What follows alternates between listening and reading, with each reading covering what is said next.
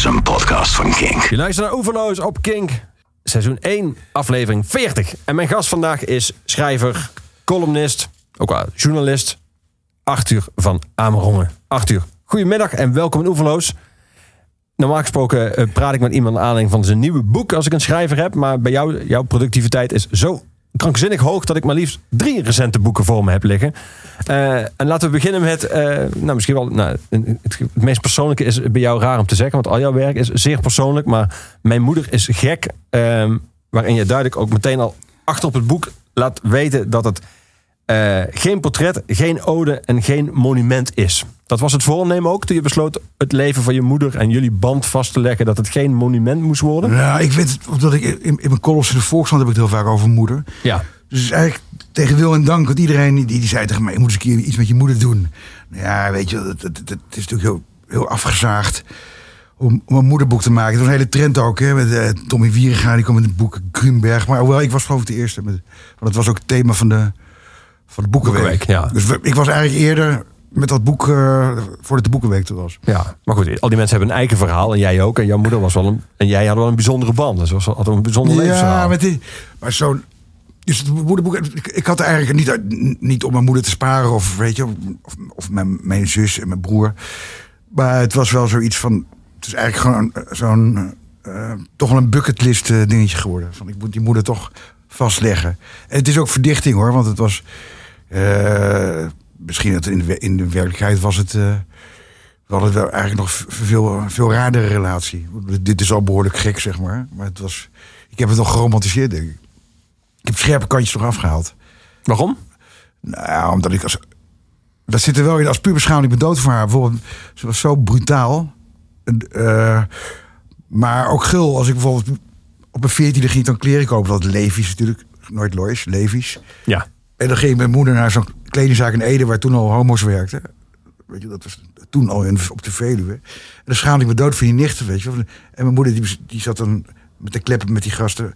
En, en die lui die gaven dan weer advies. En mijn moeder zei: Nee, nee, dat staat hem helemaal niet. En ik wil dan een roze broek hebben. Zij zo'n nicht zei: Ja, hartstikke leuk. Zijn moeder: Nee, veel te verwijfd voor mijn zoon. Dus dat, dat soort schaamtemomenten die had ik heel vaak. Maar ik kreeg er wel een gratis broekje. En later, toen ik aan de doop zat, kreeg ik ook dat geld voor. Ik kreeg zo'n. Dat was wel schaamteloos. Toen zei ze: Je koopt er zeker weer drugs voor. Ze zei niet: Je koopt er geen drugs voor. Ze zei: Je koopt er zeker weer drugs voor. Dus dat was alweer. Dus je kende je goed. Ja, nou ben ik een vrij open boek hoor. ik, ik geloof niet dat er mij echt dingen uit de kast vallen. Dat lijkt me niet. Zou raar zijn. Vond je het, toen je, toen je over haar ging nadenken... en al je herinneringen aan haar op een rij ging zetten... en ging opschrijven... kom je toen zelf nog tot verrassende inzichten? Had je... Nou, even die, je krijgt toch... Ik kreeg... Ik moet nooit zeggen je krijgt. moet ik meteen weer denken aan Jaap Stam gisteravond. Ja, het is een beetje een voetbaltaal, ja. Ja, maar je, ja, je, ja je, je, zit niet lekker in de wedstrijd. En, ik. Uh, nee. Uh, nou ja, ik, ik, ik, kreeg een soort helikopterview en dan. Ik probeer dan toch vanuit een soort. Ik ben helemaal niet zo literair hoor. Integendeel. Maar ik probeer dan toch zeg maar literaire technieken toe te passen. En dan, en dan krijg je een soort afstand, denk ik. Ja. Uh, nou. Ik, het was eigenlijk een soort. Ik zat ooit in die Jelinek voor drank. En dan word je dus gewoon. In de detox word je 14 dagen of 12 dagen. of zo met, je, met jezelf geconfronteerd. En dat is dit boek eigenlijk werkt ook wel therapeutisch in die zin. Want ik zet een aantal dingen op een rijtje die ik nooit op een rijtje. Ik, ik, koppel de dingen aan elkaar. En dan zie je, dan zie je toch wel. Uh, uh, dan zie je toch wel dingen uit mijn jeugd en zo. Dat, dat, uh, dat ik toch een beetje geknakt ben uitgekomen, zeg maar. Ja. ja dat je toch denkt, ja, zo'n heel kwetsbaar jongetje. Zo'n dominante moeder in een gek huis. Ja, het is natuurlijk geweldig, geweldige bron voor schrijvers. Ik klaag niet. Weet je, dat was wel, het was nooit saai. Je noemt het nu gewoon het gekkenhuis. Maar hoe noemde je, heet het vroeger ook bij jullie gewoon het gekkenhuis waar je moeder Gesticht. zat? Gesticht. Dolhuis, maar dat is een beetje, dat zeiden ze niet. Op de Veluwe zeiden ze, wat zeg je eigenlijk in Maastricht, Vijverdal, daar ben ik ook wel eens geweest. Ja. Zeg je nou ook gekkenhuis niet? Ja, volgens mij is dat natuurlijk wel weer een, een, een nieuw een eufemisme voor bedacht, wat wij nog niet kennen. Maar ja, Dolhuis, gekkenhuis gesticht. Zitten wel altijd in de bossen. Mijn moeder zat ook in de bossen. En meestal bij spoorlijn. Ik weet niet waarom dat is. Gekhuis zit al bij spoorlijn. We gaan praten onder meer over dat boek, maar ook over andere boeken en over je andere werk. Uh, en we gaan ook af en toe muziek draaien, uh, Arthur. Um, ik heb wat nummers van je gekregen die je graag wil horen. Daar gaan we naar luisteren. Maar ik wil beginnen met uh, een band die jij in dit boek over je moeder noemt als de, de, de eerste band waar jij ooit fan van was. The Osmond Brothers. Ja, Eh, lekker wel crazy horses. Waarom, eh, waarom is die liefde afgelopen of is die altijd blijven staan? Nee, als ik het nu hoor, dan schiet ik weer vol. Ik bedoel, ik, nee, maar ik, David Cassie vond ik ook goed. Zeg maar, dat, dat, maar dat was een beetje dezelfde tijd natuurlijk, hè. De Pettis Family. Nee, de, de Osmonds waren heel ruig. Het waren natuurlijk fucking mormonen. maar ja, maar ze zijn ook allemaal aan de doop gaan, geloof ik. En Mary Osmond, die Donnie is homo geworden. Maar ik vond die, die, die, die little Jimmy, long-haired lover van Liverpool. Het was een beetje ook die tijd van, van Mut en Sleet. Het was, het was wel vette muziek met dat gekke psychedelische or- orgeltje. Ja, en ze zagen er goed uit, die witte pakjes. Heb jij het nog meegemaakt bewust? Want Je bent Nee, natuurlijk nee. jonger. Ja, Als je nu luistert, vind je het ook goed, of? ja, ja zeker. Wel. Ja. Of zeg je dat met mij te... Nee, dit is, dit, dit is gedateerd, maar dat is wel mooi gedateerd. Het, het is gewoon vet. hè. De glamrock is het, maar dan van de mormonen. Nee, maar dat, dat was in die tijd. Maar je moet het wel in het hele de glam pack zien van David Bowie uiteindelijk, maar ook met Slate, eh, de Sweet. Ik vond het ja, Ballroom Blitz. Het is allemaal glitter. Ja, Daar hou ik wel van. we gaan naar ze luisteren met dat nummer dat jij zojuist aanhaalde. Crazy Horses.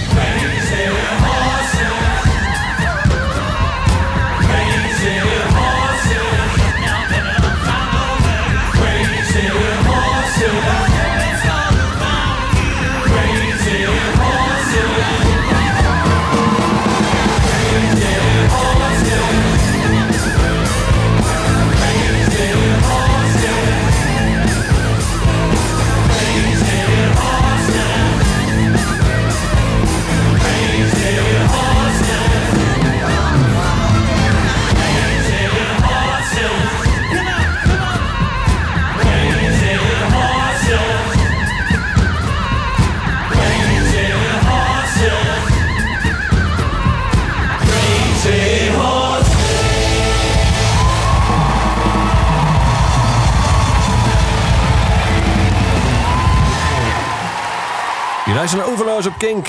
Seizoen 1, aflevering 40 en Achter van Amerongen is mijn gast. Mijn moeder is gek. Zo heet één van zijn nieuwe boeken, zijn novellen over zijn moeder en de verhouding met zijn moeder. Waarin je al vrij snel eh, zegt, namelijk ongeveer aan het begin van het boek al.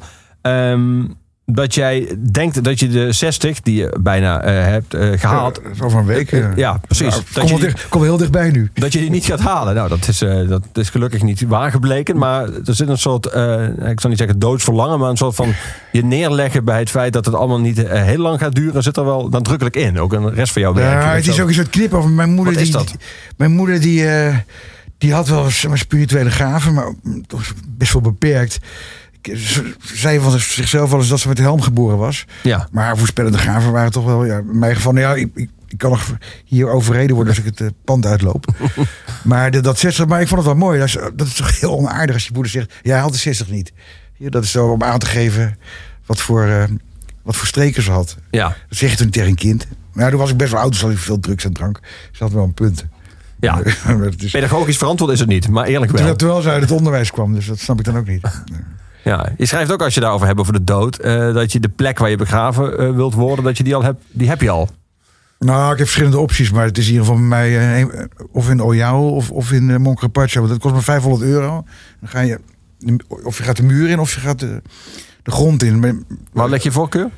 de grond vind ik mooier. Mm. Ja, Zo'n muur, dan zeg je een soort febo, weet je. Dan heb je van die uitschuifkleppen. Maar Portugezen, ik weet niet waarom, want ik heb, ik heb wel eens gevraagd, maar die, die kunnen dat niet uitleggen. Maar als je dus in, in zo'n gravengalerij, als je daarin gaat, is het goedkoper. Of duur, is duurder, de grond is goedkoper. Dus je, ik denk dat ze, dat ze heel bang zijn voor wormen of zo, voor maden. Maar ik vind een graf mooi. Crematie vind ik helemaal niks. Bovendien, Het moet binnen één dag gebeuren daar ook, schrijf je. ja, nou ja, dat heeft met, bij Joden en bij, eh, bij moslims. Dat heeft eigenlijk met het klimaat te maken. Want ze gooien dan ongebluste kalk over het lijk. En dan, het gaat snel stinken, als het, zeker in de zomer. Maar dat, eh, nee, maar dat begraven daar is ook eh, heel, heel zakelijk. Vind ik ook mooi. Als, je, als, ik dood ben, dan gaat er meteen zo'n foldertje op de kerkdeur. En dan, eh, ja, eigenlijk binnen een dag of de volgende ochtend, dan, dan eh, moeten die mensen. Die gaan dan lopen van de kerk naar de daarna is ook geen, geen cake zoals hier gezellig koffie, niks. Weet je, ik zou dan zelf, zeg maar, als ik postuum zou ik er nog een, een borrel moeten organiseren. Dat, tenzij, tenzij een van mijn vrienden het doet. Dat, zou wel aardig zijn. Je moeder zei ook tegen jou dat jouw lichaam is een tempel. Ja, maar dat komt rechtstreeks uit, uit eh, van Paulus. Hè? Ja, Uit, ik, ik meen Romeinen of handelingen. Dat sla je me dood. Maar dat zei ze altijd. Die lichaam is een tempel. Maar dat heeft gewoon uit de Bijbel gehad. Maar dat heeft ermee te maken dat je, dat je niet mag, eh, eigenlijk niet mag drinken, niet mag roken. Je mag je lichaam niet eh, verwoesten. ja. Maar vond ze dat dan erg dat jij dat wel deed? Of had zich daar al snel bij neergelegd? Of dacht ze dat gaat dat nou, mijn wel vader, over? die, de, zijn allebei geheel onthouden. Dus maar bijvoorbeeld, ik, ik kwam, op mijn 14 kwam ik met een, eh, met een, met een pakje check, ging zo draaien. Mijn vader rook sigaren. Die vond het heel stoer dat ik ging roken. Het waren nog goede tijden, weet je. Dat zei, ja, moet je doen roken. Dus dat roken was geen taboe. En de, en, de- drank, ja, ik kotste alles onder. Weet je. Toen ik met- met drinken begon, ook 14, 15. Ik denk dat mijn moeder dat het vervelendste vond. Dat ik altijd, als ik Kotste. ja, maar dat heet een keurige huisvrouw. Die miep kraken. Dan, ik ben wel eens thuisgekomen. Dan was ik e- eerst in de poepsloot gereden. Ergens bij Bennekom. En, en toen ben ik kruipend de trap opgegaan. eh, Onder de kots en de modder. Dus dat was op zaterdagavond. En mijn moeder was zondag naar de kerk. Die moest eerst... Op, nou, niet vloeken, dat deed ze niet. Maar die, gewoon... Ik woon op de zolder. Dus ja, iets van vijf, zes trappen moesten dan helemaal... Ja, dat- dus dat, haar, haar bezwaren tegen, tegen drank waren vooral praktisch. was geen blauwe knoop of zo. Nee, nee.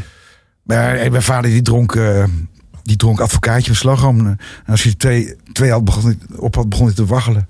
Dus dat is, dat is, eh, dat is echt wel een soort blauwe knoop milieu. Ja. Toch is het momenten dat jij eh, zeg maar, besluit om te stoppen met eh, drinken en met drugs. Die komen geregeld terug. Dus heb je wel een paar keer geprobeerd. Ja, ik ben ook wel ijdel, weet je. Ik moet natuurlijk wel een beetje mooi opdrogen. Eh, en ik heb, zijn, eh, nou ja, je, je- Zeg, als je naar Keith Richards en Iggy Pop kijkt, kun je best mooi oud worden met drank en drugs. Ja, Barry, Barry Hay, waar we Ja. het net over hadden. Nou, het- nee, ik ben wel ijdel, weet je. En ik moet ook, en, en op de een of andere manier moeten die hersens ook blijven functioneren. Dus ik kan, kijk, vroeger zoop ik gewoon, kon ik gewoon weken doorzuipen. Maar nu, nu is het echt wel, eh, en ik heb, en ik heb deadlines voor die columns. Die moet ik, de Volkskrant. ja. als ik één druppel drank, dan, dan kan ik geen column schrijven. Een HP. Dan kun je niet of dan wordt het heel slecht. Nee, nee, kan ik niet. Nee, dan wil ik meer. Dan drink ik gewoon een, een glas voor een fles. Hm. Dus dat is een hele goede stok achter de deur. Maar de. Nee, dus.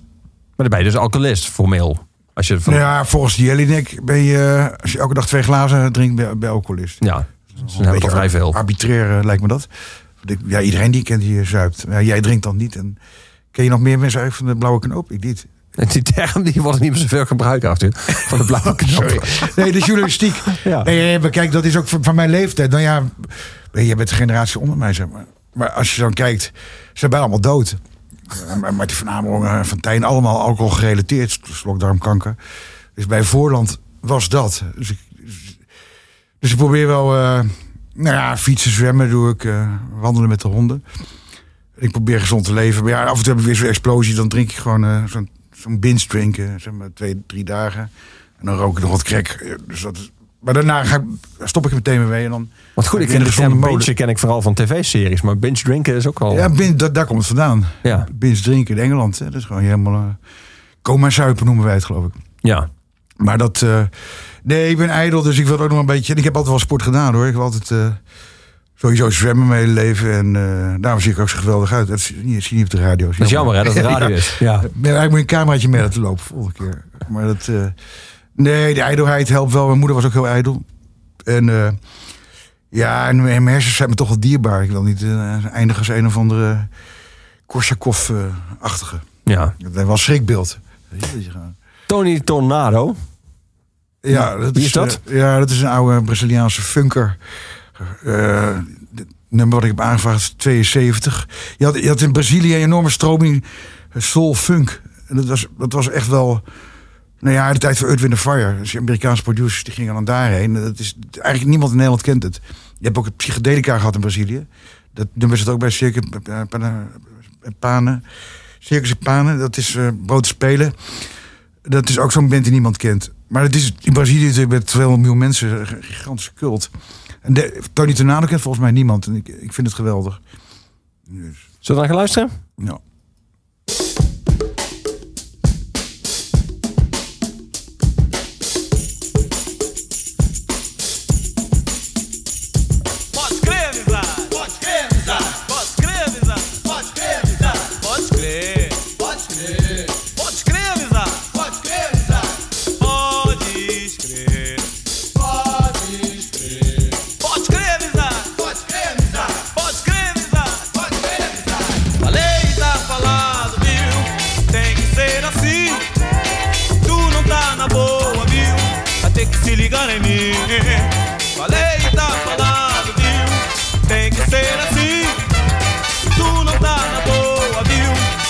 Se ligar em mim. Se tu não tá na boa, bicho, procure se inteirar. A transe é muito boa, bicho. Quem boia vai dançar. Falei, tá falado, viu? Tem que ser assim. Tu não tá na boa, viu? Ter que se ligar em mim. Se tu não tá na boa, bicho, procure se inteirar. A transe é muito boa, bicho. Quem boia vai dançar. Get it. Pode crer, amizade. Pode crer, amizade. Pode crer, amizade. Pode crer.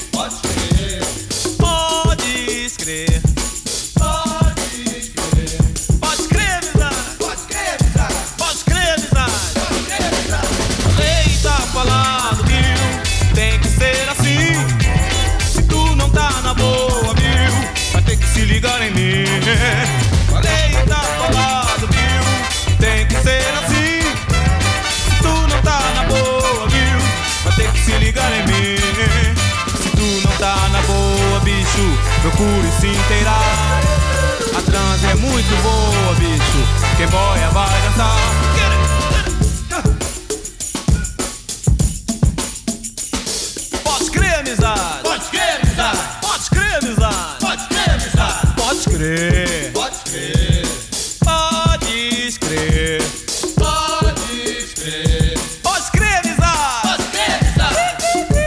Pode crer. Crer. Je luistert naar Oeverloos op Kink. Seizoen 1, aflevering 40. En mijn gast is schrijver Arthur van Amerongen. Arthur, als jij het hebt over eh, je honden, over je hondenliefde, dan dat valt me elke keer op. Word je elke keer heel, eh, verandert je toon heel erg. Dan word je veel kwetsbaarder, lijkt het wel. Menselijk. Ja, dan word je bijna menselijk, ja. Maar dat is een soort, soort manier waarop jij menselijke relaties beschrijft... die je weglaat als je het over je honden hebt. Ehm, hadden jullie vroeger al honden? Als, als Ja, ja, nee, nee, maar ik ben opgegroeid met beesten. We hadden een cavia, die heette Goofy. En dit terzijde. Katten. Mensen die van dieren houden deugen, schrijf je zelfs op een gegeven moment. Nou ja, dat hangt er vanaf. Hè. Maar het is in principe mensen die, vooral honden. Hè. Katten, Ja. Ik heb ook katten gehad in Paraguay, maar die, die heb ik maar niet meegenomen. Want die honden heb ik wel meegenomen in Paraguay. Nee, maar honden, nee, in mijn geval is het gewoon, eh, die houden van de straat. Dat is echt wel heel belangrijk. Ze geven toch de verantwoordelijkheid, zeg maar, die normaal krijgen mensen verantwoordelijkheid. Dus criminelen, ja, als ze trouwen, krijgen ze een kindje, dan worden ze heel braaf. Ja, En bij mij is het eigenlijk een beetje met die honden zo gebeurd dat ik. eh, nou ja, ik heb ook drie. Hè. Je kan niet, bijvoorbeeld als ik s'avonds uitga, dan moet ik toch een tijd thuis om de hond te voeren. Om wat te noemen. ja. En het is gewoon. eh, en het geeft een boel rust, honden. Weet je, als je gewoon eh, s s'avonds vind ik het gewoon lekker om eh, een beetje porno te kijken met de honden aan mijn voeten. Bij wijze van spreken. Het is huiselijk, honden zijn huiselijk. ja. Wat voor hond heb jij? Zijn ook vrienden? Ik heb een bokser. Bestaan die nog? Alleen in Limburg heb ik nog boxers. Die, zie- die zijn zie je lief. nooit meer. Dat is echt lief. Kwijlen ze echt zoveel? Dat vind ik ook leuk. Dan zijn ze enthousiast. Bij echte rasboksen, maar die worden niet oud. Dat is wel... Nee, het is een combinatie met een Stafford. Oei, zo'n bijtetje. Nee, helemaal niet. Nee, ze opvoedt niet. Nee, honden zijn bij dat moet je kijken. Hans Dorrestein, die ook uit Ede komt. By the way. Dat, het is een hondenhater. Ik weet niet of dat verdichting is hoor. Het kan ook allemaal uh, zijn. Ja, honden is gewoon het leukste wat er is. Ik bedoel, ik, ik vind... Het, het, het, het haalt ook een beetje de oermensen naar boven, weet je. Als je gewoon met zo'n hond... eh, Ja, je moet in de natuur wonen. Niet in het driehoog achter in Amsterdam. Weet je, dat je met zo'n grote bouvier eh, op zo'n grote, zo'n kapot gefroten bank. Zoals vroeger voor die arbeidersstellen. Je had er zo'n bouvier met kale plekken. En die vent zat als checkies te draaien, weet je. Dan stonk ook helemaal het huis. Nee, ik woon aan het strand, dus die beesten kunnen de hele dag lekker rennen. Nee, honden zijn mijn kinderen. Het klinkt heel pathetisch, maar het is wel zo. Want honden zijn vrij hulpeloos, hè, zonder baasje. Net als kleine kinderen, die hebben alle aandacht nodig. En een hond is het is geen kat. Een kat is zelfstandig in principe. Een hond moet echt wel... eh, Honden zijn niet zo slim, wat iedereen zegt. Dat, hebben ze nooit op betrapt ze heel slim zijn. Ze kunnen een paar, paar woorden kennen ze. Dan hebben we altijd met eten te maken. Dus, eh, nee, maar je kan iedereen aanraden om honden te nemen. Maar niet, te- moet, moet wel een beetje ruim wonen. Ja. Ja. Hoe, wat was de belangrijkste reden dat jij naar Paraguay en Rio, Rio de Janeiro en Portugal terecht kwam? Je schrijft eh, dat dat met, met de prijzen te maken had, namelijk laag. En vooral met het klimaat. Eh, je schrijft ook ergens anders dat je klaar was met de grote stad. Wat, wat, wat was de belangrijkste overweging? Eh, nou, ik, wil, ik wilde eigenlijk als, als- dat, ik weet niet of het opgeschreven. Ik, ik was altijd wel gek op, op de, de Gele Canaries. Het boek van August Willemsen. Die heeft het later geschreven. Maar ik was altijd toch gek voor Brazilië. Maar dat was een soort, soort jongensdroom. Brazilië was gewoon, in vergelijking met de Veluwe natuurlijk... Gewoon het eh, tegenpol. Weet je? Ja. Gewoon eh, lekkere wijven, eh, samba, bossa nova. Op, op klasseavond in Ede, de, de Maan van Beukeland... dan draaiden ze ook altijd van die... ja, die eerste Bossa Nova, weet je. Die, het ook weer... die, die, die hele populaire plaat die een had uit 68. Kom wel op. Kom nou op. Maar die, eh, dat was eigenlijk gewoon tegenovergestelde van de Veluwe, eh, Ja. Brazilië. Alles wat de Veluwe niet had. En uiteindelijk... en ik wilde gewoon in Rio de Janeiro wonen. Het lijkt mij een normale jongensdroom eigenlijk. Je hebt ook jongens die willen bijvoorbeeld... hele leven al naar Helsinki of zo. Weet je, of naar, naar Warschau. Ja. Bij mij was het echt wel... En was dat ook alles wat je er in jouw wildste gedachten van gemaakt had? Ja, maar alleen dit, dit, Brazilië is stinkend duur. En je hebt net als Zuid-Afrika heb je heel veel security nodig. Dus je betaalt je blauw. Weet je, je kan niet zomaar. eh, je kan een huis huren, maar er komen heel veel kosten bij. En ik, ik ben ook twee keer gewoon overvallen. En dat, maar dat hoort erbij. hè. Je hoort er pas bij, eh, bij, zeg maar bij, bij de inwoners van Rio als je mooi bent overvallen op een goede manier. Nou, dat, je schrijft in je boek dat je er zo'n pistool tegen je hoofd werd gezet. Ja, dat was een, ja, één was een Paraguay, een met in, in Rio de Janeiro was met een, eh, met een machete. Oh. Dat waren gewoon halfnaakte mensen van kleur, zeg maar. en die zwaaiden met zo'n ding. was zondagmiddag in, in, in, het, in, het, in het commerciële district van... En daar moet je nooit lopen, want dan zijn die kantoren leeg. Nee, maar Rio was wel... eh, maar het was gewoon te duur en, en toch 16 miljoen mensen. Dus ik- toen merkte ik weer dat ik naar de naar, naar natuur terug, terug moest. Ja. Ik, eh, ik, ik trek de grote stad niet meer. Amsterdam, eh, Dat was eigenlijk, eh, daar kan ik ook niet meer tegen nu. Ik, ik was gewoon midden in, in- aan het strand, in de natuur. Eh, het stadje waar ik de buurt woon, Ooyoude, en daar wonen misschien 30.000 mensen. Dat vind ik al, voor mij is het al eigenlijk te veel, te veel eh, eh, input. Dus dat, ja, de, de grote stad was eigenlijk het grootste obstakel van Rio. Te druk, terwijl ik wel praktisch aan het strand woonde. Ja. Maar het is, eh, nou ja... Ik, Maar had je ook het gevoel dat je alles waar je zeg maar, eh, in de Veluwe als puber eh, naar verlangde... inmiddels op een moment ook wel gedaan had? Of was het dat niet? Was je Ja, daar- zo afvinken, bucketlist. Jawel, ik, ik heb eigenlijk... nee, ik hoef nergens meer heen. Ik wilde wel bijvoorbeeld, ik wilde in Beirut wonen, in Jeruzalem wonen.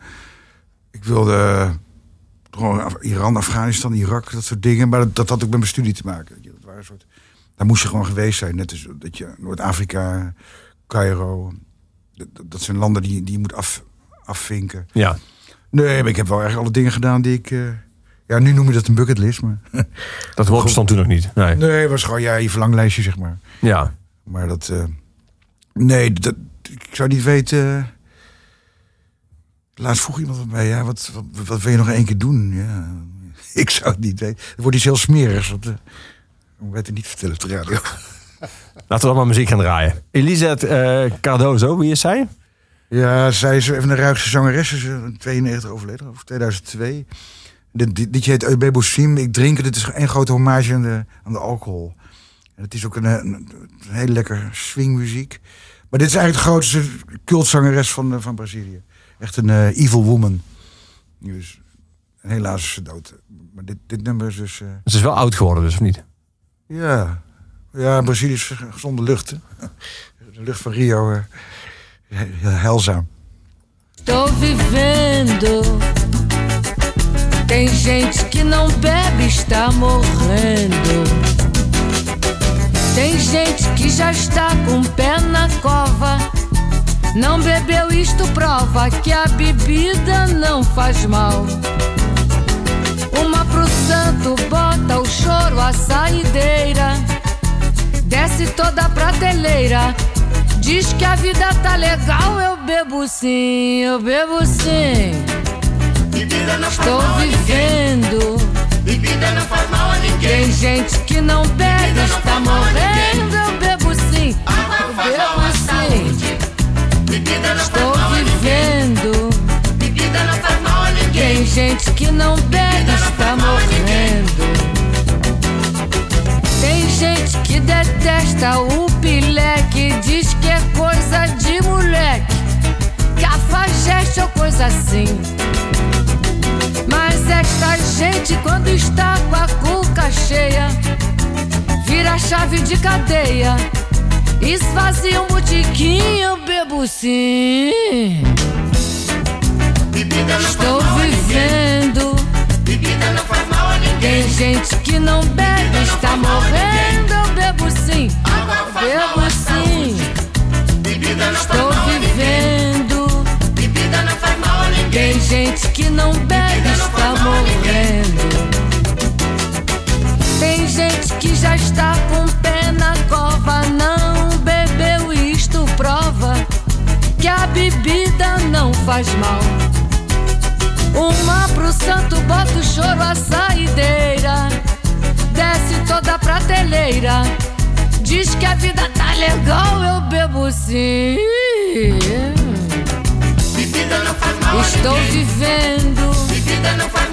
Tem gente que não bebe, está morrendo, eu bebo sim. Eu bebo sim. Estou vivendo.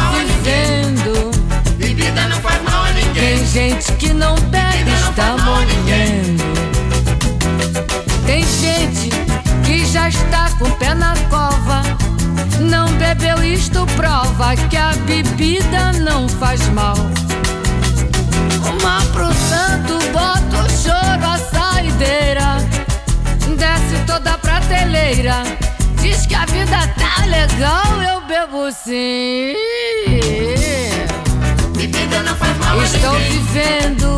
Bebida não faz mal a ninguém. Tem gente que não bebe, não está morrendo. Eu bebo sim. Água eu bebo sim. Bebida não Estou faz vivendo. Bebida não faz mal a ninguém. Tem gente que não bebe, está morrendo. Eu bebo sim. Eu bebo sim. Bebida não Estou faz mal vivendo. Bebida não faz mal a ninguém. Tem gente que não bebe, está morrendo. Cuidado!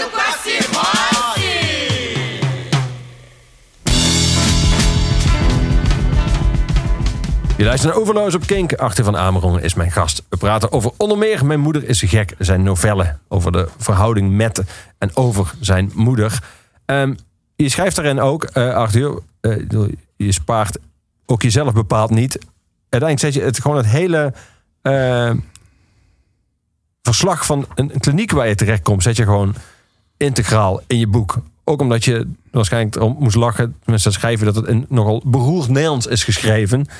Eh, en dat begint met de zin, sinds zijn veertiende gebruikt hij alcohol in enorme hoeveelheden. Hij is gaan drinken om erbij te horen. En vervolgens gaat het twee pagina's lang eh, door.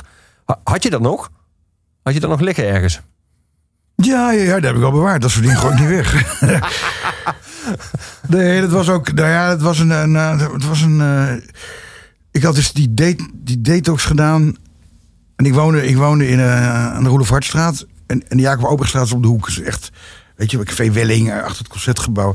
Dus ik, ik zat daar. Ik keek uit op de toren waar. eh, hoe heet die? eh, de- de- Keefman. Ja, Jan Arends uit het raam is gesprongen. Dat, Ja. dat was het blok waarin ik woonde. En er zat zo'n klokkentoren daar bij de bibliotheek. En dan keek ik vanuit mijn, vanuit mijn slaapzaal keek ik erop uit. Nee, en toen, eh, toen kreeg ik dus dat, dat rapport. Dat was zo'n... eh, eh, ja, zo'n zo'n wufte man. Hele dure schoenen. Dat, dat heb ik ook ergens opgeschreven. En Van die hele dure kleren. Dat was zo'n psycholoog. je. En ik heb van nature eh, een bloedhekel. Als kind moest ik altijd naar die kinderpsycholoog en psychiaters. En eh, toen... eh, die hebben we dat verhaal verteld ook, samengevat. En toen zei ik, weet je, weet, je, weet je wat ik ga doen? Ik ga naar de kroeg. Dus ik ben naar die detox meteen... ben ik naar Café Welling gelopen. De grootste alcoholisten kroeg van Amsterdam is van Peterstraat. Ja. er. Dus het heeft die geholpen, die detox. Maar ja, zo'n zo'n rapport... Ja, maar ja, toen was ik... Misschien dat is, als ik het nu zou lezen, zeg maar, in deze situatie zou ik zeggen, ja, misschien toch wel een paar punten. Maar ja, het is precies wat je zelf erin stopt tijdens zo'n eh, zo'n detox, weet je. Ik kan ze ook voor gek houden. Krijg je soort Jack Nicholson, eh, gewoon vroeger de koekoesnest, weet je. Het is- Ja. Maar ik heb er natuurlijk eh Hij heeft, achterdocht. vaak, hij heeft vaak zijn eigen waarheid. Hij kan regelmatig anderen chockeren door zijn gedrag en opmerken. En doet het vaak op een ontwapenende manier. Zijn vriendin geeft aan dat het zijn gedrag te maken heeft met ervaring in de kindertijd. Ja, ja, precies. Dus uiteindelijk zit er zomaar zo'n zo continuïteit in. De tweede zegt denk ik inderdaad na van... Toen, toen zei ik in de kliniek altijd van... ik drink omdat ik het leuk vind. Maar ik dronk echt heel veel toen. Maar en dan... eh, en uiteindelijk... eh, Met dat moederboek werk ik, ja, er zit toch wel misschien wat eh, onverwerkt verdriet.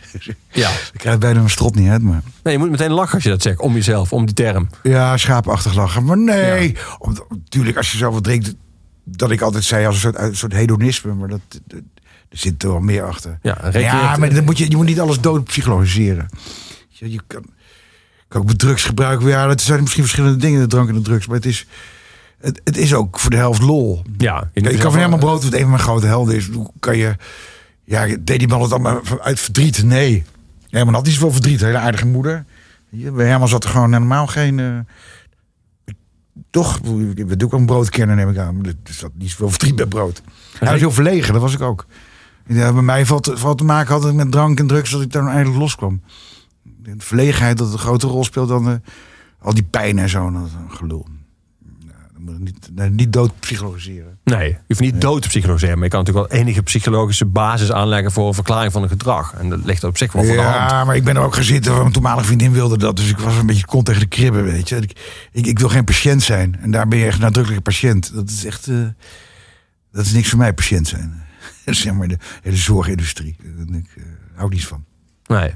En daarom vind ik het opvallend dat je dit boek...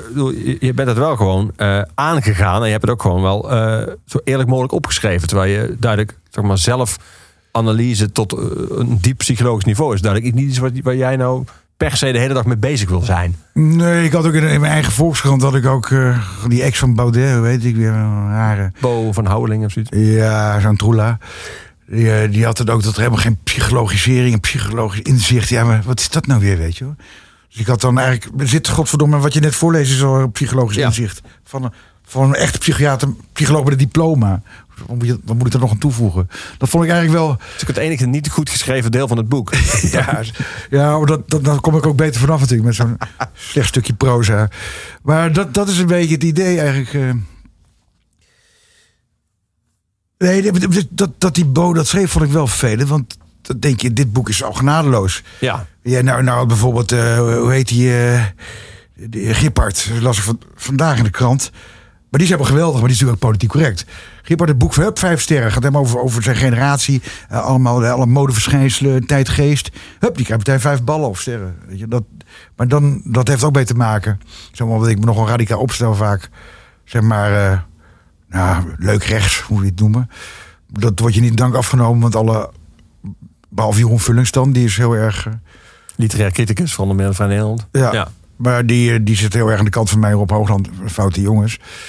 Maar ik merk, ik merk wel dat dat... dat ja, we hadden Hermans en Reven vroeger ook. Die werden ook weggekeken. Niet dat we daarmee vergelijken hoor. Maar die, die waren natuurlijk ook pittig over, mm, ja, over Amsterdam met name. Ja. En dan lig je eruit. Dus je continu Amsterdam beledigen. Wat ik altijd in stukken doe in HP. Dat, dan raak je ze toch die grachtengordelmensjes. Maar ja, dat weet jij toch ook als je gewoon... eh, ik- als je gewoon uit de provincie komt, eh, wij allebei, dan... Je hoort een poos bij. En dan is het allemaal een lekkere bubbel. Maar als je eruit gaat, dan is het ook helemaal weg de liefde. Het is net als met een ex-vrouw die je nooit meer wil zien. een nare scheiding. We gaan muziek draaien van eh, Chico Buarque. Ehm, kun, je haar uit, kun je haar eh, duiden voor ons, inleiden? Ja, Chico Buarque is eigenlijk gewoon de, ja, de Rob de Nijs. Nou, hij is wel wat opwindender dan Rob de Nijs. Met alle respect voor Rob de Nijs. maar hij, is, nou, hij zit voor mij 60 jaar aan het vak. Hij is, toen, toen de generaals nog aan de macht waren in Brazilië... is hij begonnen met, een, eh, met eigenlijk als muzikant om, eh, te protesteren. En dat is een enorme volksbeweging geworden. En het is ook een van de mooiste mannen eh, van Brazilië... met knalblauwe ogen. Zijn, zijn tweede achternaam is ook de Hollanda. Dus hij heeft ook veel vroeger van VOC. eh, Waarschijnlijk heeft een, van die VOC-meneer heeft zijn moeder in het Hooiberg gepakt. Maar het, en het is eh, ja, een van de, de, eh, grootste iconen van de, van de samba en de bossa nova. En het, is, nou, ik geloof dat hij al 100 LP's heeft gemaakt. En hij, hij schrijft ook prachtige boeken.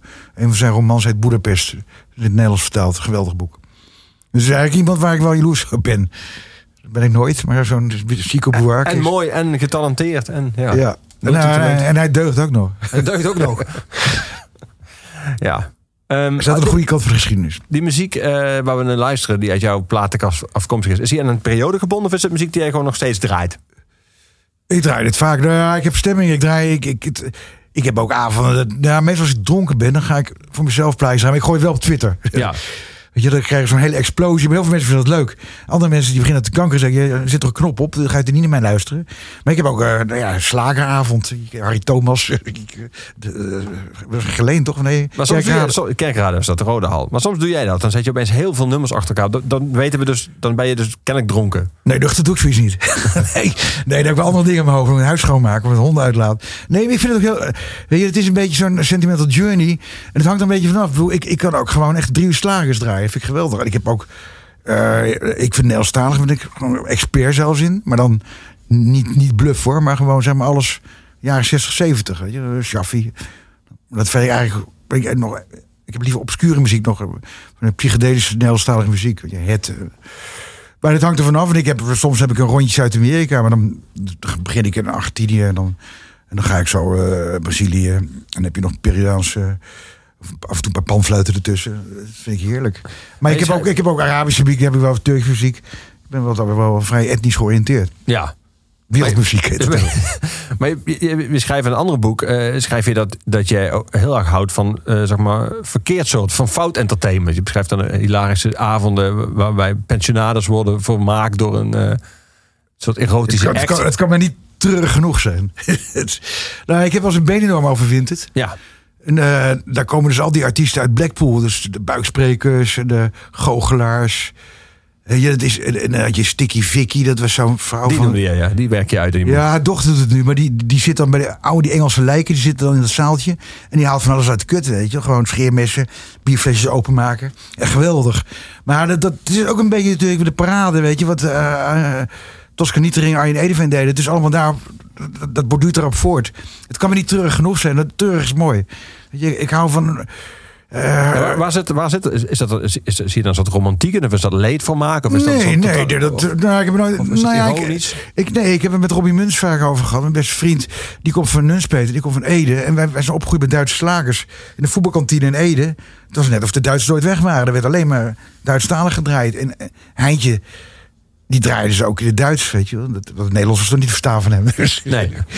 dus dat, eh, dus, het- is iets uit mijn jeugd. Maar de- ja, iedereen in Ede, maar dat- in Limburg ook. Duitse slagen waren zo vertrouwd, weet je. Alles in de grensstreek. Ja. Alsof die oorlog nooit gebeurd was. Het is echt alleen maar Duitse muziek werd er gedraaid. Ga muziek draaien.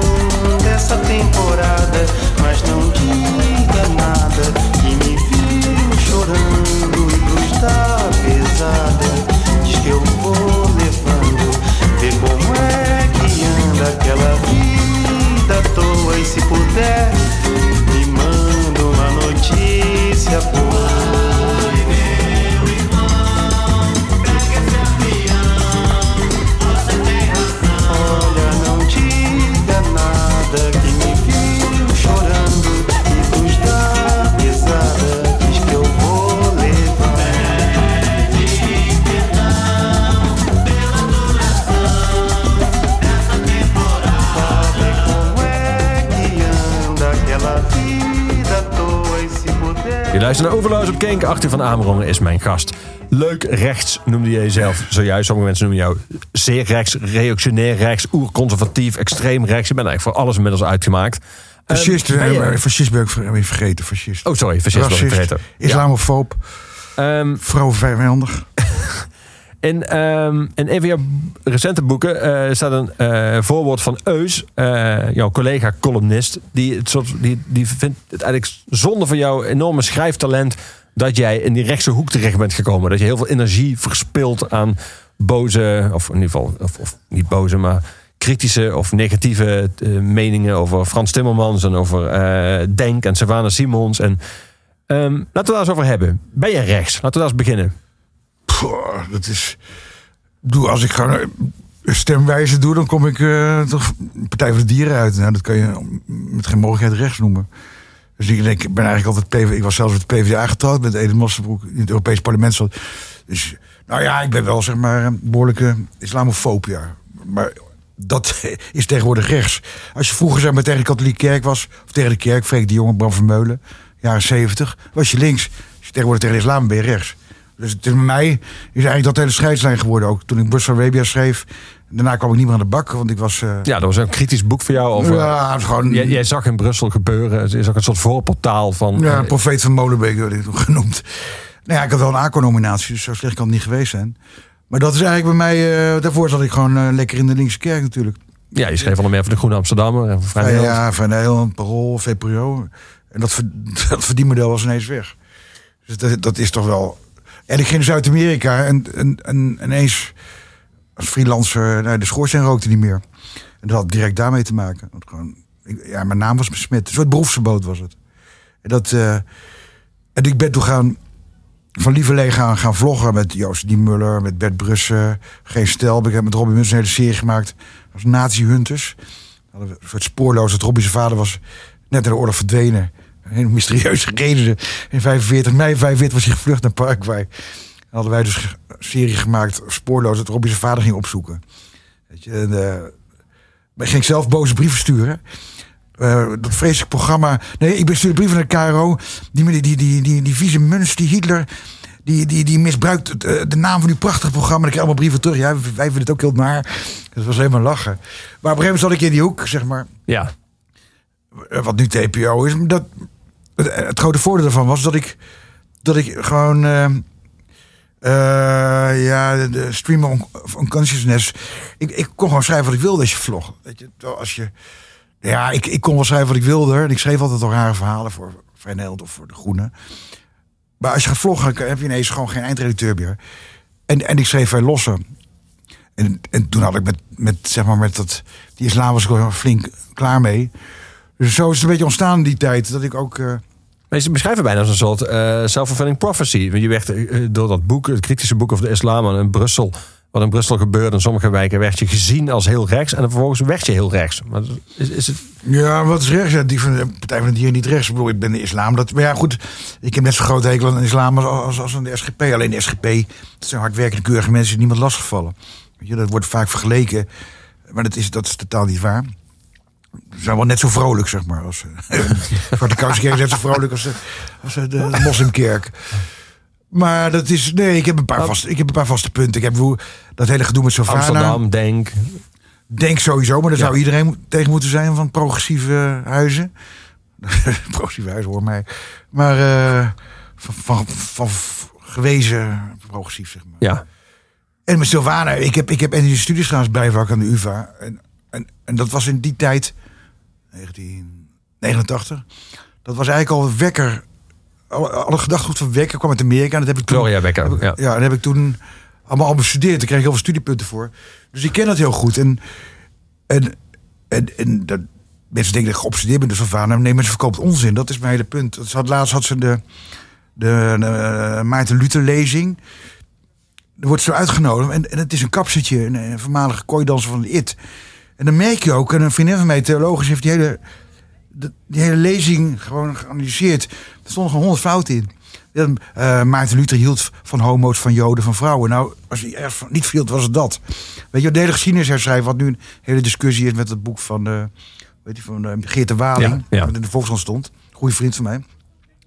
Weet je, dat, het is meer dat ik die leugens, dat, die de, die de hele dag krijgt te horen van, weet je wel, van, en dat gaat dan over de inclusiviteit, over de diversiteit. En wij witte mannen zijn altijd te lul, daar worden we ook scheidsziek van. Ik heb er geen last van.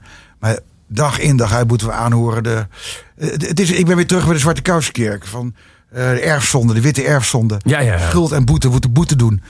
Dat is toch vreselijk? Ja, want eigenlijk jouw hele, de, de manier waarop jij in het leven lijkt te staan, hoe je- hoe jij verhoudt tot seks, tot drugs, is niet conservatief. Is bijna een soort oude anarchist, zou je kunnen, bijna kunnen zeggen. Een Ja, ja, ja, anarcho-liberaal noem ik het wel eens. Ja. Maar dat is, nou ja, nee, maar dat, maar dat zijn dus een paar punten.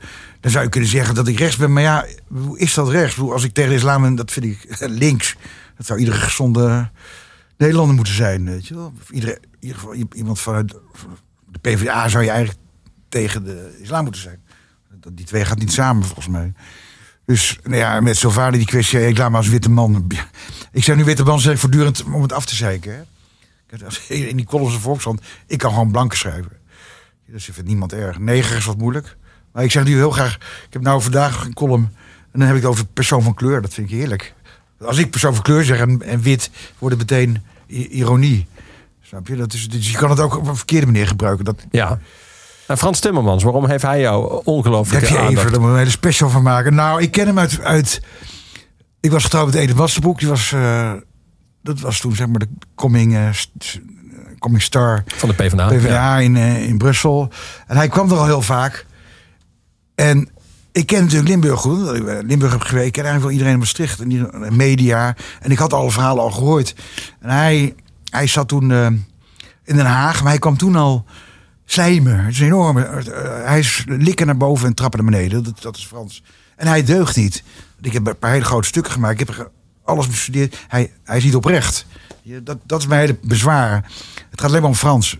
Zijn betrokkenheid is, eh, is, is, is geveinsd. Dat is, eh, en daar is iedereen die hem kent over eens. Weet je, en dat, dat mensen nu denken dat het een eerlijke, aardige man is, daar geloof ik helemaal niets van. Het gaat alleen maar om Frans. Dat is eh, idem dito Peter de Vries. Het zijn eigenlijk maar drie, maar drie vaste eh, topics.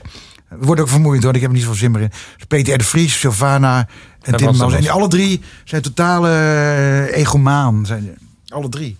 Het gaat bij Sylvana alleen om Sylvana. Het is een soort eh, Sylvie Meis. Je, dat, dat is ook alleen maar ziekelijke aandachtsjunks. Het gaat alleen maar om hun. Verder gaat het nergens over. Dat is... Bij Frans, ja, op een gegeven moment wordt het een gimmick. Hè? Mensen zeggen, ja, je bent geobsedeerd door... eh, Ik zat een keer bij Kunststof ook, een jaar geleden. Toen, eh, Toen al. ja, toen begonnen ze ook weer over... eh, ja, wat heb je toch met, met Tim, met Frenske? Ik zei altijd Frenske, hè? Met Frenske en met, met Sylvana. Ja, om die reden. Ze deugen niet. En ze doen zichzelf beter voor dan ze zijn. Dus dat, en dat kan je ook aantonen. Je, zou de hele... Je zou al hun teksten en al hun tweets naar elkaar kunnen leggen. En bij Frans heb ik dat echt gedaan, hè? En het is allemaal geschiedvervalsing ook, hè? Alles... Frans begint ergens en dan gaat de oorlog komt bij Frans. Ja, en ineens had hij dan een huis waar de Joodse onderduikers. Helemaal niet waar. Dus hij, dus hij maakt altijd een draai en het komt altijd bij hem uit. Ja, dat is dus vroeger. Ik gaat het bij, want in dat, in, dat, in dat niet zo best geschreven verslag in jouw kliniek stond ook ongeveer dat het bij 8 uur altijd om 8 uur draait. Is het, irriteert het je ook omdat het, is het voor een deel herkenbaar? Je kan van jou niet zeggen dat je jezelf beter voordoet dan je bent in je boeken. Integendeel. Ja, Maar- nou, ik- dat is natuurlijk de input die ik gegeven heb in die, in in die, in die detox van Jelinek. Dus weet je, ik kom tegen de kribben, dus uiteindelijk. Ja, goed, eh, zeg maar in die tijd, dan hebben we het over. Ik kwam toen net terug uit Beirut. Ja. Echt zat ik s'morgens aan de whisky en mijn handen trilden. Dus het was misschien een andere fase. Maar ja, inmiddels zijn we, wat is het, 1990, 20 jaar verder. Nee, ik ben, ik ben eh, jij zou zeggen narcisme wil je eigenlijk zeggen of zo. Of, wat is het, egocentrisch, egocentrisch. Ja. Maar ja, toen wel, maar dat, dat hoorde bij die, eh, denk bij die periode in mijn leven. Maar ik, eh, ik ben totaal niet meer, ik bedoel, ik geef, ik geef alles op voor mijn honden bijvoorbeeld, weet je. Nou ja, maar goed, als je ouder wordt, als ik ouder word, dan merk je toch wel dat, eh, ik ben ook niet meer zo ambitieus. Dat je vroeger moest je freelancer moest je gewoon behoorlijk overal bij zijn. Overal. Ja. Maar wel mooi om dat te zeggen, dat je niet ambitieus bent. Terwijl er drie recente boeken voor me liggen en er twee boeken aan staan te komen. Dus voor iemand die niet zo ambitieus is, ben je wel ongelooflijk productief. Nee, maar het schoorsteen moet roken. Het is gewoon mijn werkboekje stikken. het, is je, het, is geen, eh, het is geen heilige opdracht of zo. Ik heb geen heilig vuur. Nee, ik, schrijf, ik schrijf heel makkelijk. Ja, Dat is ook handig. en graag ook, of niet? Nee. Alleen nee, makkelijk. Nee, ik vind schrijven niet zo leuk. Nee, ik vind ook het idee van zo'n zo'n column in de Volkskrant. Ik vind het leuk als ik de, de, de point heb, zeg maar, de pointe. En eh, dat ik mezelf verbaas. Dat ik toch denk, het is vaak natuurlijk wel als een soort schrijvende aap. Het wordt allemaal auto- automatisme. 400 columns inmiddels. Maar dat vind ik wel de uitdaging om dan precies te verwoorden waar, die binnenpret die ik op zo'n moment heb. Maar nee, het is niet ambitieus. Ik moet gewoon werken. Als, je, ja, als ik niet werk, dan, dan, dan rookt de schoorsteen niet. Nee. Zo simpel is het. Het is Sylvie Witteman heeft wel eens gezegd... als ik, als ik een paar tons heb, zou ik niet meer schrijven. Ik waarschijnlijk ook niet. Zou ik liever gewoon eh, de hele dag hondjes opvangen of zo. We gaan muziek draaien, Arthur. We gaan Maria Maria draaien. Van Alice Regina. Wie is zij? Ja, zij is, eh, even de meest beroemde zangeres in, in een bepaald genre. Zij is eh, ook heel jong overleden. En een bepaald, die zouden kunnen vergelijken met Lisbeth List. Hmm. Zeg maar. Het, is een heel... het- ik vind het een van de mooiste stemmen van, van Zuid-Amerika. Ze is geloof ik de dertigste overleden of zo. En gaat het je vooral om de stem of ben je, ben je heel tekstgericht? Nee, tekst interesseert me nooit. Vind ik allemaal zo onzin. Tekst. Luister jij, jij luistert wel een tekst. Ja, ja, ja. Echt ga je ook Ja. aan Bob Dylan helemaal analyseren. Nou, niet Dylan, maar wel andere. Nee, teksten, nee, melodietjes. Duitse slagers daarentegen ken ik wel in mijn hoofd. Maar die zijn meestal niet zo diepzinnig. Maria. Maria,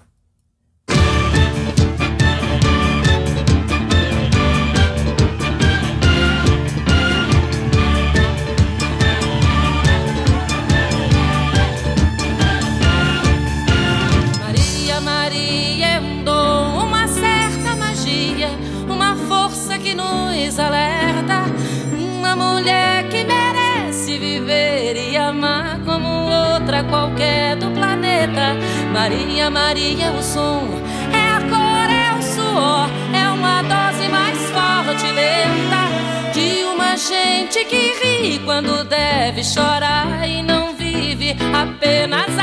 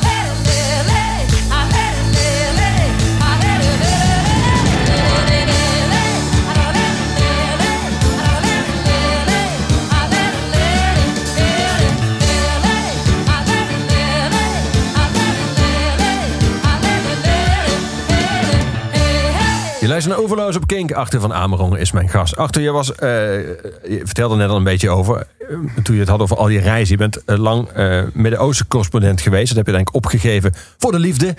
Toen ben je verhuisd, beschrijf je in even je boeken, naar Maastricht. Eh, ehm, jouw opvattingen over de islam die je zojuist, die je zojuist in- in- enigszins toelichtte.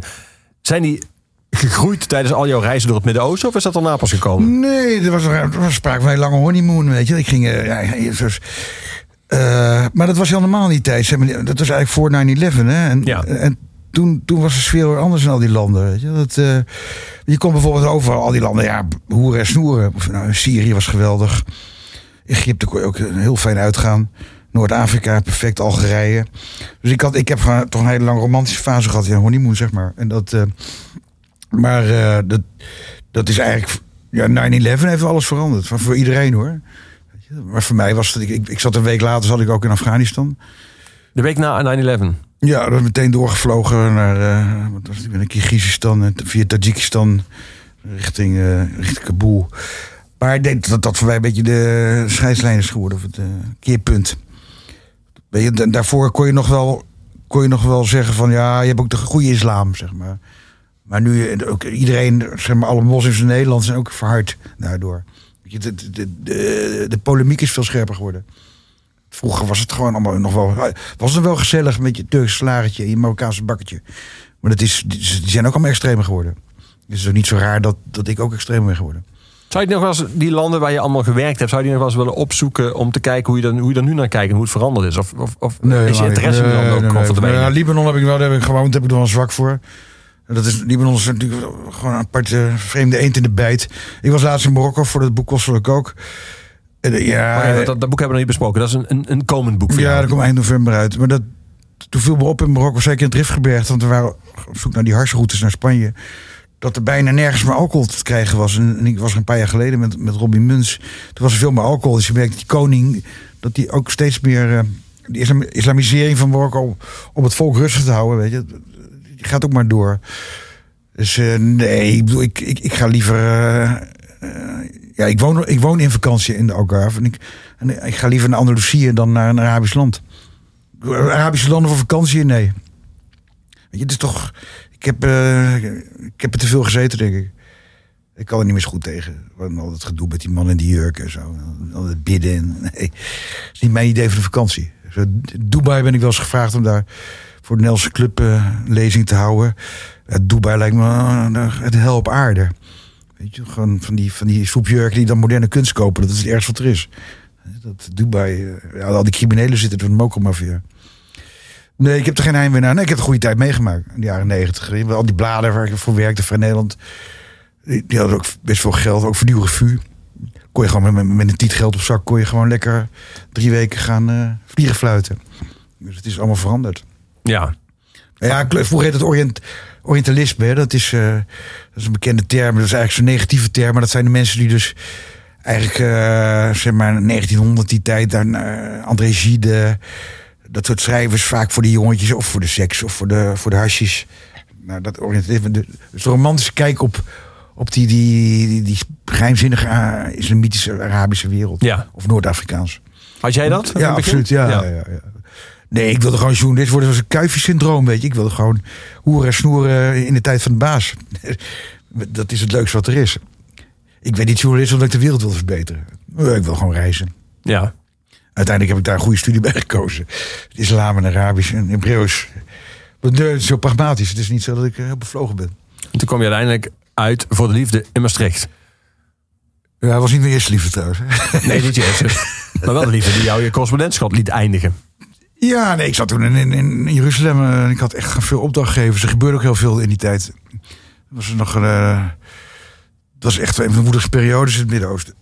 En toen wilde ik toch wel rust. Ja, toen ging ik naar Maastricht. En mijn ex, Tanja, die was chirurg. En ik ging bij de Limburger werken. Nou, dat was wel een foutje. Dus ik binnen een maand weer aan de heroïne. Bij de Orwijnse brug, weet je Ken je Ruben, die, die oude Surinamer, die Indiaanse... die altijd bij de sigarenzaakje staat. Ja, ik ken hem niet, maar jij beschrijft hem in, uh, in je boek. Ja. Bij die dikke man werkt hij nog in die kiosk? Volgens mij niet. Nee. Je kent de kiosk wel. Ja, ja. Die man die zweet heel erg. Als je binnenkwam moest je... Pak je sigaret en dat neus dichtknijpen. Maar die Ruben stond daar gewoon jarenlang. Hele aardige jongen, maar echt zo'n Indiaanse Surinamer. Maar op een gegeven moment dacht ik... Ja, Maastricht is misschien uh, niks voor mij. Toen heb ik een poosje in Spanje gezeten. Maar ja, dat was ook, ik was gewoon, uh, gewoon, gewoon een beetje wilde freelancer. En dan was ik ineens eindredacteur bij de Limburger. Eindredacteur, wat betekent dat je op een kantoor moet zitten op, op vaste tijden. Nou, was er net geen prikklok. Zeg onder, systeem, onder systeemplafond. Ja, ik zag gewoon heroïne te roken, de wc daar. Weet je, dat was eigenlijk gewoon therapeutisch bijna. Nee, ik vond het, ik vond het, uh, ik dacht ik wil niet zo eindigen. Dus dan, nou ja, goed, en toen... Uh, toen kreeg ik kinderen aan Edith Massenbroek in Amsterdam. En dat ging ook weer snel voorbij. Maar toen ben ik eigenlijk in Brussel geraakt. Toen ging ineens een stroomversnelling. Ja, ja. Dat is een, ineens, een reden van de week, ineens ben ik dan 60. Weet je. Als je dan terugkijkt, dan denk je, godverdomme, wat gaat het leven... Het is zo voorbij. Als je nou ineens al die... Omdat jij nu met die chronologie komt. maar dat was... Uh, nee, Maastricht was wel een, een nuttige tussenstop, zeg maar. Ja. Je leert ook Limburgse muziek kennen. We hadden het net even over muziek. En toen kom je met deze band, Nate uit Lottem. De band uh, voormalig van Frans Pollux. Trouwens in januari in Carré speelt. Dat is eentje. Um, oh, in Carré. Even, ja, hij zelf. Wonen, ja. wonen er zoveel Limburgers dan in, uh, in Amsterdam? Nee, die komen allemaal een dagje op en neer. Van de bus. Toeterbus. Toeterbus. Toeterbus. Maar Pollux is trouwens is hij een familie van een beroemde tekstschrijver van alle van Venloze carnavalsliederen. Ja, nee, zelf ook. Hè. Nee, maar zijn vader, zijn oom, Pollux is natuurlijk echt zo'n Venloze naam. Hè? Ja. Ex-stad zegt maar voor, de, voor de niet-Limburgs onder nee tot Lottem betekent niet uit Lottem. En de grap is dat ze uit Amerika komen. Ze komen wel uit Lottem, toch? Ja. Moest jij, moest jij wennen aan uh, de taal? Nee, ik pik Limburgs heel snel op. Dat is, nee, ik kan na al die spreken jaren, kan nee, spreken. Nee, als ik er ben, na kan al die ik. jaren Midden-Oosten kan je het meteen verstaan. Nee, nee, ik kan het. Nou ja, ook de dialecten kan ik vaak horen. Verschil tussen Zittert en uh, Romaans. En om te praten weer moeilijker, maar ik, ik kan het wel meteen horen of iemand uh, welke uit hoe, hoe die komt. Ja. Maar moet ik, ik, ik vind dat zeg maar Noord-Limburg vind ik charmanter dan Zuid-Limburg. Sorry. Tijd voor muziek.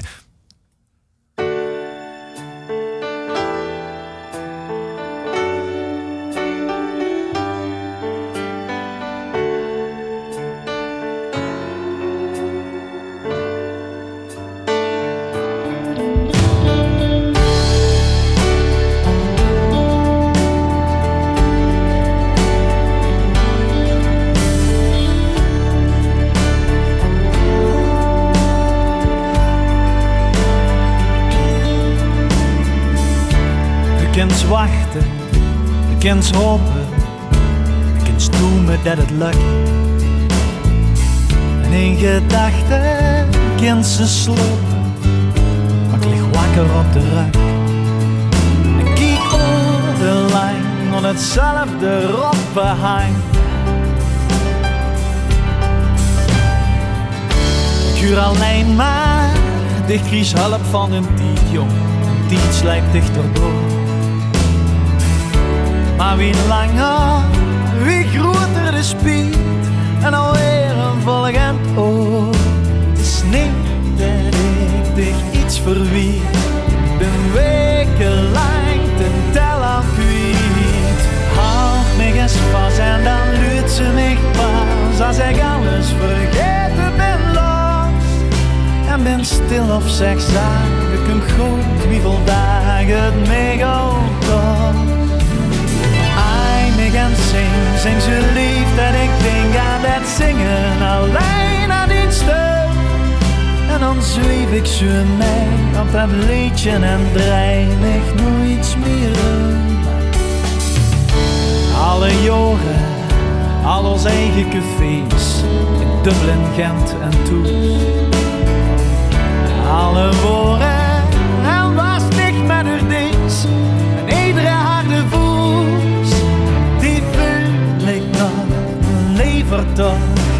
vergoed ik alles nog. Houd me eens vast en dan luurt ze mij pas, als ik alles vergeten ben los. En ben stil of zeg zaak, ik ben goed wie vandaag het ook kost. Ai, mig en zing, zing zo lief dat ik denk aan het zingen alleen ik zo mee op die liedje en draai ik nooit om.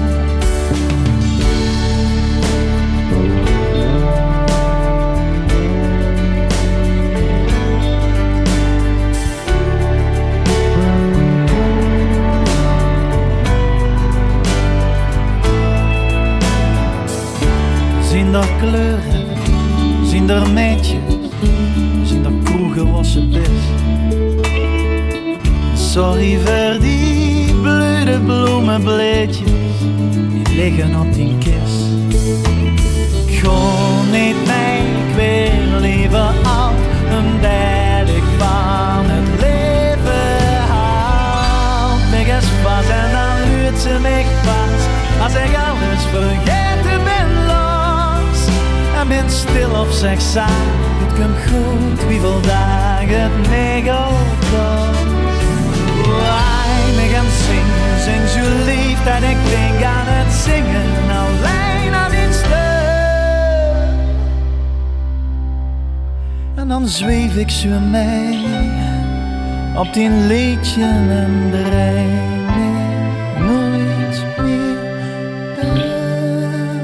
Je luistert naar Overloos op Kink.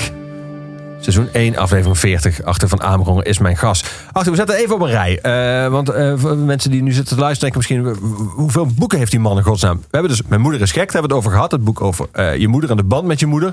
Dan heb je, er komt het eh, tweede deel van het grote foute jongensboek. Dat is jouw samenwerking met Rob Hoogland. De columnist van eh, De Telegraaf. Waar nog in het begin in het voorwoord van het eerste deel door Mark Rutte... heel verbaasd wordt dat, dat die twee samenwerken. De Telegraaf en de Volkskrant. Nou, deel 2 staat zelfs op de achterkant. Ja, precies. Met foto, dat wij in het, in het eh, hoe heet het kamertje ook weer daar? Het, hoe noem je dat ook weer? Een hokje. Het, het, het, Torentje. Het torentje. het torentje. Dus, ja, dat vindt hij wel prima. Dat kan Mark, ik kan het wel voor Mark zeggen, maar hij houdt wel van een grapje. Ik vond wel een heel grappig voorwoord. Dat hij schrijft, ik heb geen idee wat ik kan verwachten. Ja, maar- maar Rutte, wij kwamen er binnen en er was een of andere president uit Kamerhoed of zo. En we hadden maar een kwartier. Ah, die man kan wel even wachten. Gingen we gewoon, uh, liep het gewoon een half uur uit. Dat- En hij, en hij wist ook heel veel over ons. Dus een geïnteresseerde man, dat is ook zijn kracht. Ja. Dat even tussendoor. Ja. Dat hebben we. Dat, komt, dat zijn dus nu eigenlijk twee delen. Dan hebben we het, het reisboek op reis door de Algarve. Eh, dat, en dat is eigenlijk voortgekomen uit eh, een boze brief van een lezer. Die jou, waarvoor jij om een soort die tegemoet te komen, ben je op reis gegaan. Ben je een hele voettocht gaan Ja, maken. ik heb zo, je, je kan de, de, de via Algarviana kan je doen. Dat zijn eh 16 wandelingen, het is 300 kilometer. Het, Ja. is, het is een soort bedacht. Het is niet de klassieke pelgrimsroute, maar het is een oude handelsweg. Oude Romeinse handelsweg. Die lopen het hele Iberisch Schiereiland. Ja, ik had op een gegeven moment, je, je hebt een eh, plaatsje, het Lou. Le, ja, Loulais, Lou, Lou, Lou, Le, Loulais spreek je uit Loulais. En ik had dan gezegd dat mensen het altijd verkeerd uitspreken. Ik woonde vlakbij Oyao. En iedereen noemt het Oliao of eh ja. Kunnen ze niet uitspreken. Maar die man die werd heel boos dat ik zo...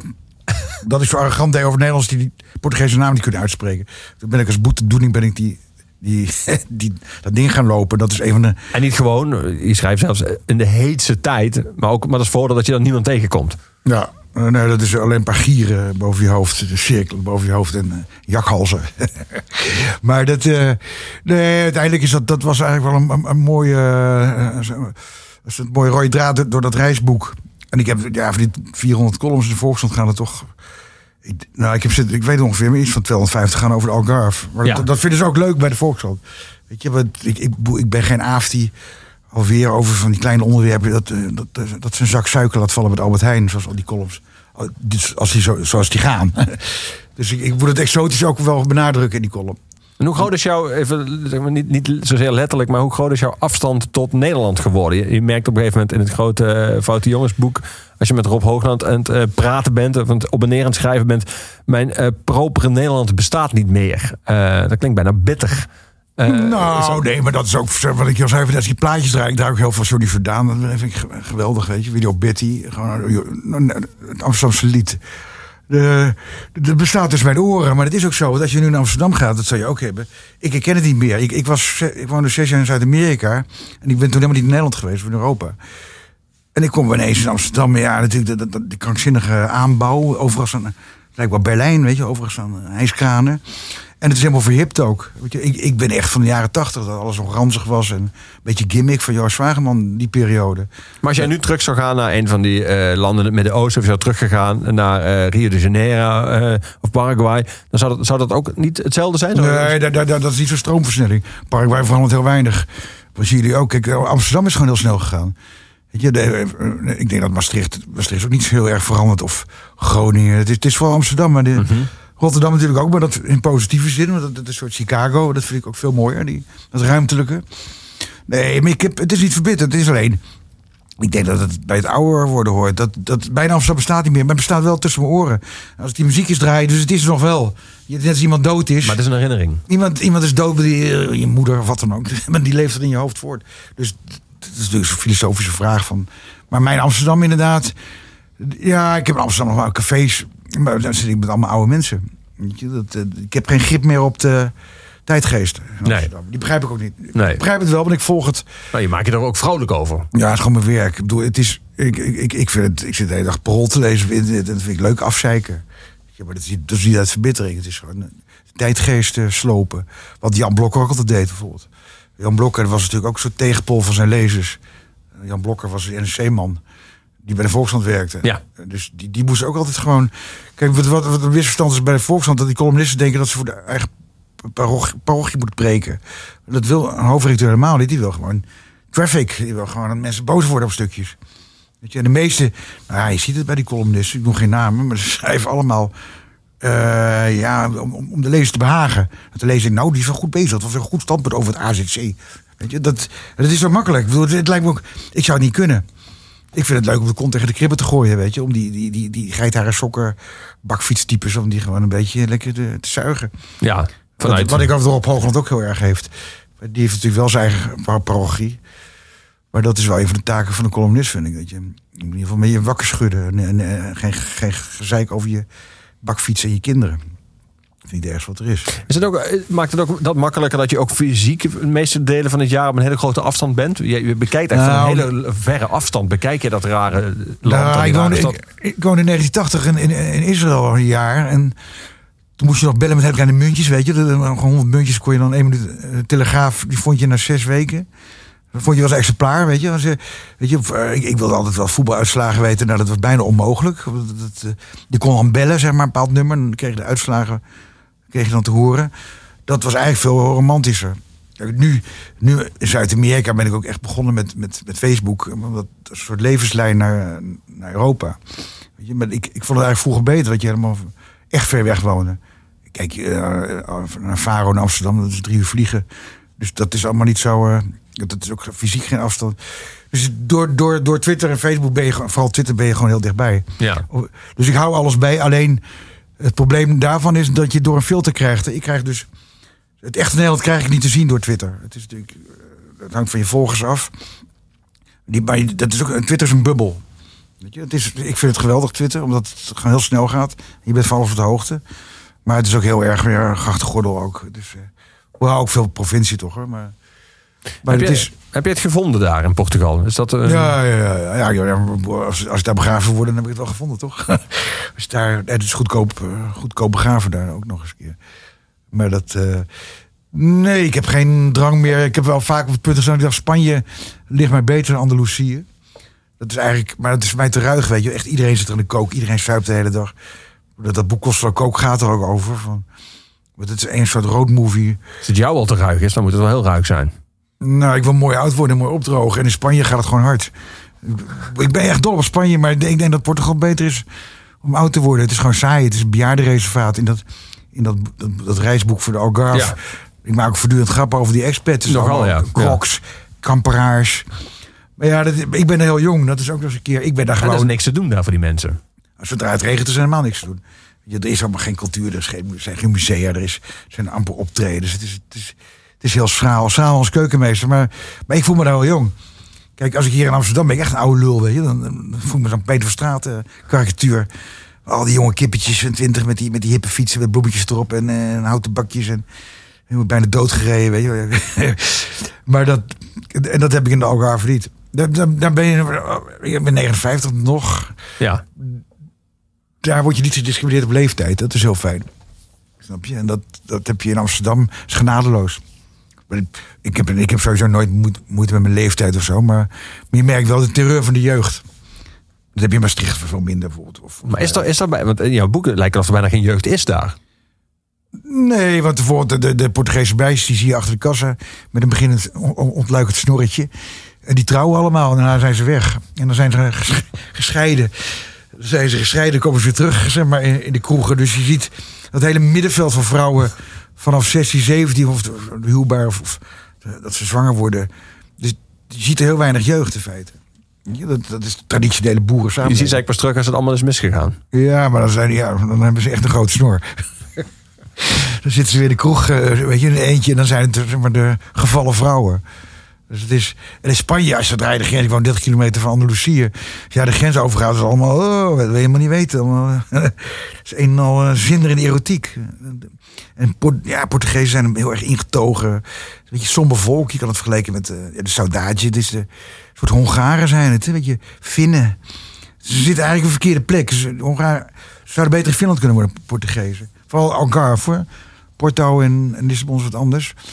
Maar dat vind ik ook heel mooi. Het is een hele, het een hele treurig volk, is het. eh, De bewoners van Algarve. Ja. Dat is natuurlijk een schrijversbron. Dan zit je graag tussen. Ja. Nee, maar dit is een soort. eh, ja, van eh, eh, eh, menselijk, menselijk tekort. Het is allemaal lelijk. Het is een soort oude kermis met bochelaars, klompvoeten. Dat schrijf ik ook op, weet je. Dat vind ik mooi. Ik kan graag naar lelijke mensen kijken. Mooie mensen. In Italië vind ik vreselijk. Iedereen mooi in de schoenen aan, weet je, allemaal opgedirkt. Of zoals Maastricht bijvoorbeeld zondag.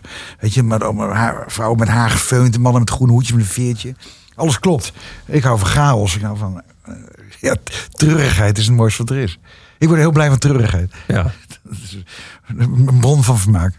Je schrijft ergens, als je hebt over, die, over eh, dat er weer een boze lezer zich heeft gemeld bij de Volkskrant naar je column. Van als die mensen nou gewoon Mijn Moeder is Gek hadden gelezen, hadden ze gezien wat voor een ellendige jeugd je had gehad. Hadden ze misschien wat meer, als we begripvoller gereageerd. Invoeling. Eh, wat meer invoeling gehad. Eh, je, hebt nu al een paar keer gezegd, ik heb geen missie en ik, ben hier, ik schrijf nu de wereld te verbeteren. En ik schrijf ook gewoon dat de, de schoorsteen moet ro- roken. Maar volgens mij ben je op Mijn Moeder is Gek ook wel gewoon echt trots dat je het eh, hebt opgeschreven, of niet? Of, of, Nou, trek, je dat woordje, trek je dat woordje bek niet uit? Nee, trots is een nuttig boek zou ik zeggen. Een nuttig boek. Ja, nee, trots. Nee, ik ben eigenlijk nooit trots op een boek. Echt niet? Nee. Je hebt er twaalf geschreven. Is er geen eentje waar je trots op bent? Nou, er zit ook niet echt een meesterwerk tegen. Maar ja, misschien moet ik net als Joost Vageman met die, eigenlijk een die grote Nederlandse roman. eh, Of Martin Bril. Misschien moet ik toch die grote Nederlandse roman schrijven. Daar zou ik trots op zijn. Maar ja, die is nog steeds niet geschreven volgens mij. Ja, misschien eh, Max Havelaar. Dat zou hem kunnen zijn. Nee, nee, voor mij is het allemaal... eh, ik ben behoorlijk opportun, denk ik. Weet je, ik heb, ik heb ook geen, eh, ik heb ook geen literaire eh, aspiraties. Dus ik... Een roman, nou ja, zoals Eus. die, eh, Je kan er gewoon heel goed schrijven. Dat kan toch iedereen vaststellen? ja, maar de punt twee is... Wat, wat, wat bijvoorbeeld Sylvia Witteman zegt van romans moet je lezen, niet schrijven. Weet je, dat, Maar nou ja, ik ben nou... Eusjes die zegt dan bijvoorbeeld... Je moet eens een keer grote mannen, roman schrijven over witte mannen, boze witte mannen van 60. Maar ja, dat doe ik eigenlijk met Rob Hoogland al. Ja, dat is, maar het is allemaal spielerij. Ik ben helemaal niet boos. Ik zit altijd lachend mijn stukjes te tikken. Mensen denken echt dat ik boos ben. Dat is niet waar. Ik gooi die laptop open, dus beroepsmatig boos. Ja, maar ik, eh, stoor, nee, dit zit me helemaal niks. Wat, eh, ik, ik, ben, nooit kwaad. Maar ja, dan moet je eigenlijk wel kwaad moeten zijn om zo'n boek te kunnen schrijven. Weet je, vanuit soort woede. Wat misschien Herman zo had. Weet je, echt, echt woede. Je hebt echt woedende schrijvers. Ik ben te laconiek, denk ik. Misschien ook omdat ik te lang in. En je woont misschien op de verkeerde plek om woedend te zijn inmiddels. Ja, maar als je toch lang in die Latijnse, Latijns-Amerikaanse of, of Iberische culturen zit, die zijn het, dat is natuurlijk allemaal vrij luchtig. Weet je, ik heb natuurlijk wel dat, dat sombere Veluwe in mij. Wat, wat wel een goede. Grond voor woede zou kunnen zijn. Ja. Ja, maar dat. eh, de, ik zie daar niet eh, het nut van in. Van een, zo'n rom- ja, zo'n roman. Eus heeft wel het nadenken gezet. Hoor, van, maar ja, dat is wel een leuk project. Maar een roman schrijven is vreselijk. Dat is, je vroeg het al eerder van. Vind je schrijven leuk? Ik vind, ik vind schrijven helemaal niet leuk. Ik vind het echt. eh, nee. Dus zit jij echt eh, heerlijk te tikken? Dat je Ja. nog blij Ja. Ja. Maar wacht maar tot je 59 bent. Vriend.